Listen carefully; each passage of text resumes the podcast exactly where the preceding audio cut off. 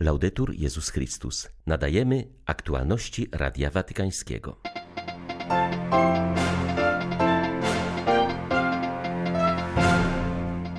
Ponad 416 milionów chrześcijan na całym świecie cierpi różne formy dyskryminacji oraz prześladowań za wiarę w Chrystusa, także za ceny życia. Chrześcijanie są prześladowani jak nigdy wcześniej w historii, przypomina papieskie stowarzyszenie Pomoc Kościołowi w Potrzebie.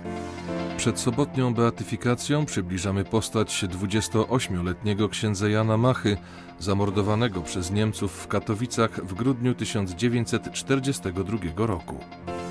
Dyrektor Caritas Polska opowiada o zakresie pomocy świadczonej na granicy polsko-białoruskiej, a także wskazuje na wielką życzliwość mieszkańców terenów przygranicznych dla naszych służb oraz dla migrantów. 18 listopada witają Państwa Łukasz Sośniak i ksiądz Krzysztof Ołdakowski. Zapraszamy na serwis informacyjny.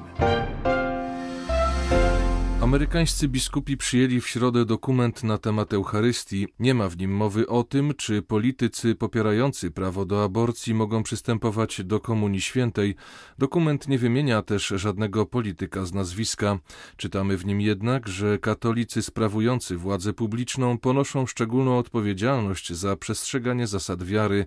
Decyzję o tym, kto może przyjąć komunię, dokument pozostawia poszczególnym biskupom. Podczas zgromadzenia ogólnego konferencji episkopatu USA nuncjusz apostolski w tym kraju arcybiskup Christoph Pier przypomniał, że Eucharystia jest darem i nie może być traktowana jako coś, co należy się nielicznym uprzywilejowanym. Należy wspólnie podążać z tymi, którym brakuje formacji teologicznej i doświadczenia spotkania z żywym Bogiem, wspierając ich w przezwyciężaniu trudności, zaznaczył hierarcha. Wskazał, że można tak bardzo skoncentrować się na formach liturgicznych, że można przegapić prawdziwe spotkanie z Chrystusem obecnym pod postaciami chleba i wina. Wezwał też do poważnego traktowania synodalności, by przezwyciężyć podziały w społeczeństwie i kościele. Synodalność pomaga nam nie wpaść w pułapkę ideologii sakrum, jest metodą, która pozwala nam pójść naprzód, zaznaczył nuncjusz apostolski.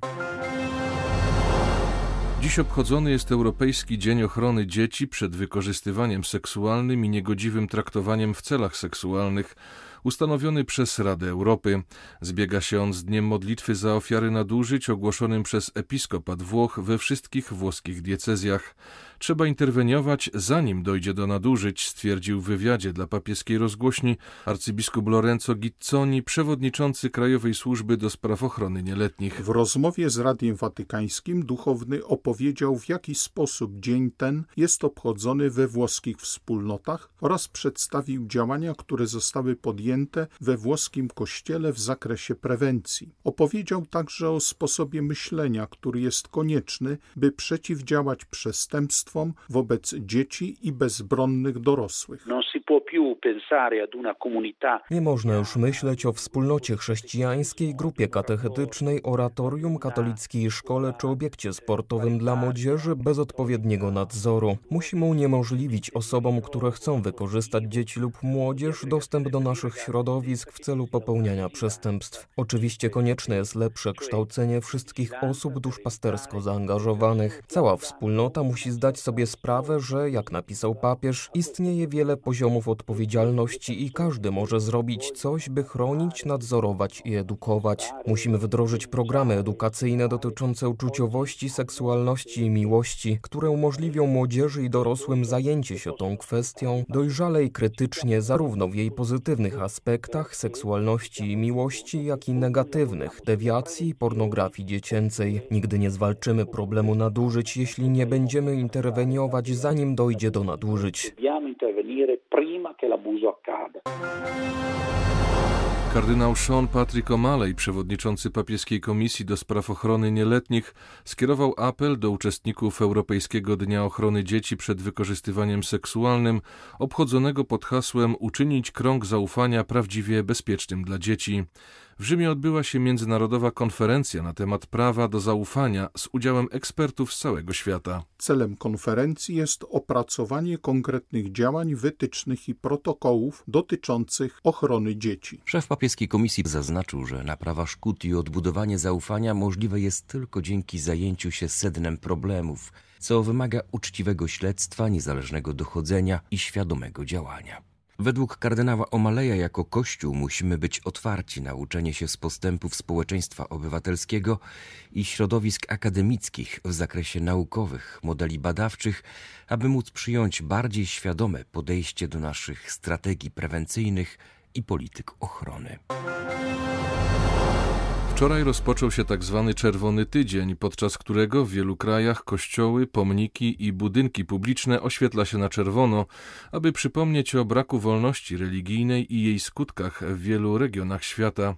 W tym roku głównym celem kampanii jest zwrócenie uwagi na przemoc, jakiej doznają kobiety należące do mniejszości religijnych. Kobiety cierpią z powodu porwań, przymusowych małżeństw i konwersji oraz przemocy seksualnej m.in. w Mozambiku, Nigerii, Egipcie, Syrii, Pakistanie, Indiach, Iraku i Iranie. Ponad 416 milionów chrześcijan na całym świecie cierpi różne formy dyskryminacji oraz prześladowań za wiarę w Chrystusa, także za cenę życia, mówi John Pontifex, rzecznik prasowy brytyjskiego oddziału papieskiego stowarzyszenia Pomoc Kościołowi w Potrzebie.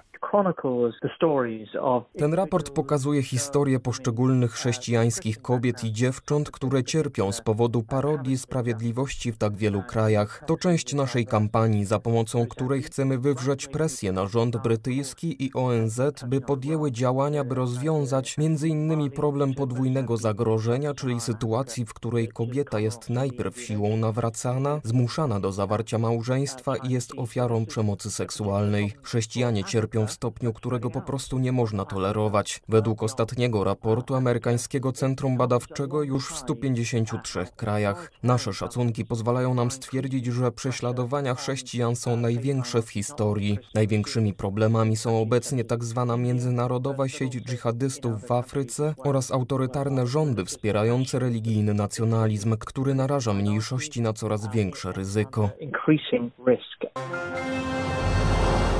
Papieski Uniwersytet Gregoriański przybliża prawdę o świętym Robercie Bellarminie. Dziś kończy się trzydniowe sympozjum pod tytułem Przemyśleć na nowo Bellarmina na styku teologii, filozofii i historii. W tym roku przypada 400-lecie jego śmierci. Jak zauważa ksiądz Nicholas Stevens, jeden z organizatorów sympozjum, wokół Roberta Bellarmina narosło w ciągu wieków wiele mitów. W rzeczywistości był on człowiekiem bardzo skromnym, wyróżniającym się swoją prostotą i lubianym przez studentów. Wyrósł w atmosferze kontreformacji, ale tym, co go ożywiało, była wielka miłość do Słowa Bożego, mówi ksiądz profesor Stevens. Na postacie takie jak Bellarmin możemy zawsze rzutować to, co chcemy, choćby dlatego, że pozostawił nam ogromny dorobek piśmienniczy. W tym zalewie tekstów jest oczywiste, że każdy może znaleźć coś, co dałoby się skrytykować. Ale najważniejszym aspektem jego osobowości jest zdolność szukania zawsze osobistej relacji ze swoimi rozmówcami, takimi jak Giordano Bruno czy Galileusz. Skupiał się nie tyle na ideach, ile na relacjach z filozofami, naukowcami i ich sumieniami, starając się zawsze utrzymać ich w Kościele katolickim.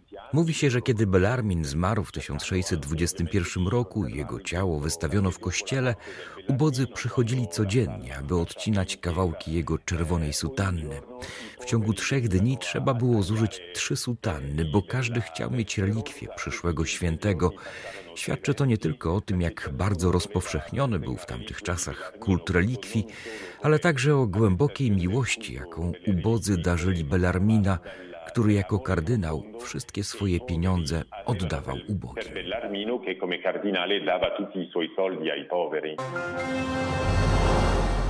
W najbliższą sobotę w katedrze pod wezwaniem Chrystusa Króla w Katowicach zostanie ogłoszony błogosławionym ksiądz Jan Macha, śląski kapłan zamordowany przez Niemców podczas II wojny światowej. Wieczorem 2 grudnia 1942 roku usłyszał wyrok, że w ciągu najbliższej nocy zginie. Przygotował się na śmierć poprzez spowiedź i przyjęcie wiatyku. Napisał głęboki list pożegnalny do bliskich. Po północy 3 grudnia zginął, ścięty gilotyną w wieku 28 lat. Ksiądz Macha pochodził z Chorzowa Starego, natomiast posługiwał w Rudzie Śląskiej. Święcenia kapłańskie przyjął w 1939 roku. Wkraczając do pracy duszpasterskiej w pierwszych dniach II wojny światowej, wczuł się w sytuację swoich parafian i rozwinął na szeroką skalę akcję charytatywną oraz pomocową. Zainspirował swoją postawą harcerzy, członków sodalicji mariańskich oraz studentów. Jego działalność ogarnęła setki rodzin. Został aresztowany przez gestapo we wrześniu 1941 roku. Był przez 15 miesięcy więziony najpierw w Mysłowicach, a potem w Katowicach. Został skazany na karę śmierci, jak to określili Niemcy, za niepodporządkowanie się prawom okupacyjnym. Ksiądz Damian Bednarski zwrócił uwagę na aktualność przesłania, jakie niesie przyszły błogosławiony. Ksiądz Jan Franciszek Macha chce nam dzisiaj wskazać, że ważna jest istotna odwaga w byciu chrześcijaninem, żeby nie czekać na inne, łatwiejsze czasy, może lepsze, wydaje nam się, dziś byśmy powiedzieli popandemiczne, kiedy będzie można pokazać swoją odwagę, swoje zaangażowanie, ale tu i teraz trzeba podejmować wyzwania, jakie niesie współczesność. To po pierwsze. Po drugie, uczy nas wierności. Wierności powołaniu. W świecie, który deprecjonuje wartość wierności, on mówi warto, należy być wiernym. I nie chodzi tylko o powołanie kapłańskie, chodzi o życie rodzinne, małżeńskie. Wreszcie ksiądz Jan Macha wskazuje na wartość y, wrażliwości, bliskości wobec drugiego człowieka. On ciemną noc okupacyjną szedł na peryferia, na margines, tam do ludzi, którzy byli zapomniani, do rodzin, które nie miały wsparcia. Caritas Polska oraz Caritas Diecezjalna, szczególnie Caritas Białystok, są cały czas zaangażowane w pomoc na granicy polsko-białoruskiej. Obejmuje ona samych migrantów i uchodźców, a także miejscową ludność. Dyrektor Caritas Polska ksiądz Marcin Iżycki podkreśla wielką życzliwość mieszkańców terenów przygranicznych zarówno dla naszych służb, jak i dla przybyszów, którzy w razie potrzeby zostają nakarmieni oraz otrzymują ciepłe okrycie. Dyrektor Caritas Polska powiedział w rozmowie z Radiem Watykańskim, że aktualnie trudniejsze jest świadczenie pomocy w strefach stanu wyjątkowego w Białowieży oraz w Kuźnicy Białostockiej, natomiast poza tymi miejscami jest ona szerzej udzielona udzielana. O aktualnym zakresie zaangażowania Caritas Polska mówi ksiądz Marcin Iżycki.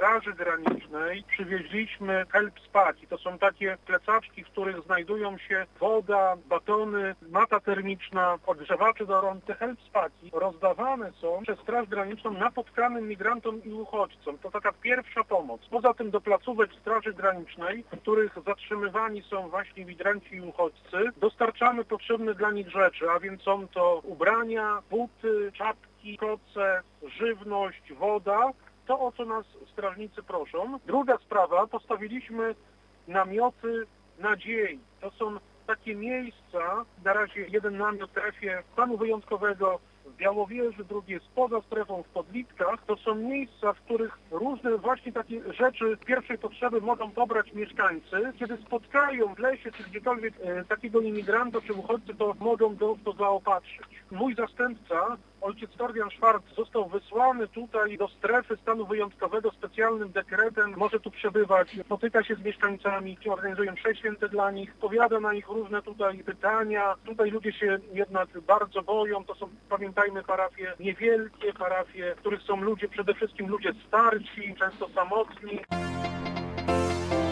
Były to aktualności Radia Watykańskiego.